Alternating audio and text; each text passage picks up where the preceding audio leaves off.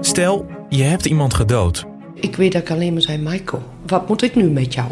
Of iemand iets anders verschrikkelijks aangedaan. Als dit echt is wat jij gedaan hebt, dan is het wel heel erg. Schiet er nog vol van.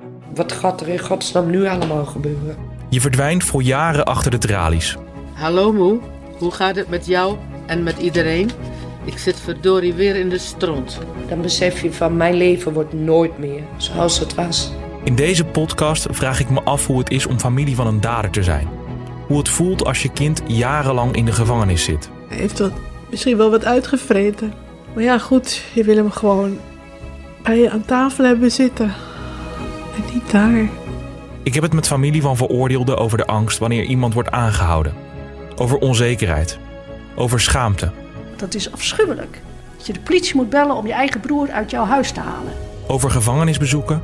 Over twijfel en toekomst. Ik vind het vreselijk wat hier allemaal gebeurt. Maar ik hou van hem.